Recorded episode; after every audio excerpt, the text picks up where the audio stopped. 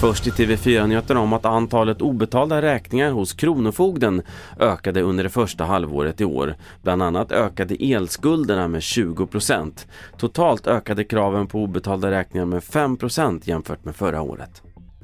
Idag träder flera nya regler i kraft för elsparkcyklar. Bland annat blir det körförbud på gångbanor och det blir också förbjudet att parkera på trottoarer. En förändring som tas emot med ro av Kristina Moe Gärde, Nordenchef på elsparkcykelföretaget Voi. Ja, det är klart vi skulle önska se en liten annan nationalreglering för det, detta med infrastruktur och parkeringsplatser det är en väldigt lokal fråga. Eh, men nu är det som det är så nu handlar det om att samarbeta med våra användare, samarbeta med kommunerna och få tillräckliga parkeringsplatser. Sist om att det blev ett misslyckat försök till comeback för tidigare Alaska-guvernören och vicepresidentskandidaten Sarah Palin.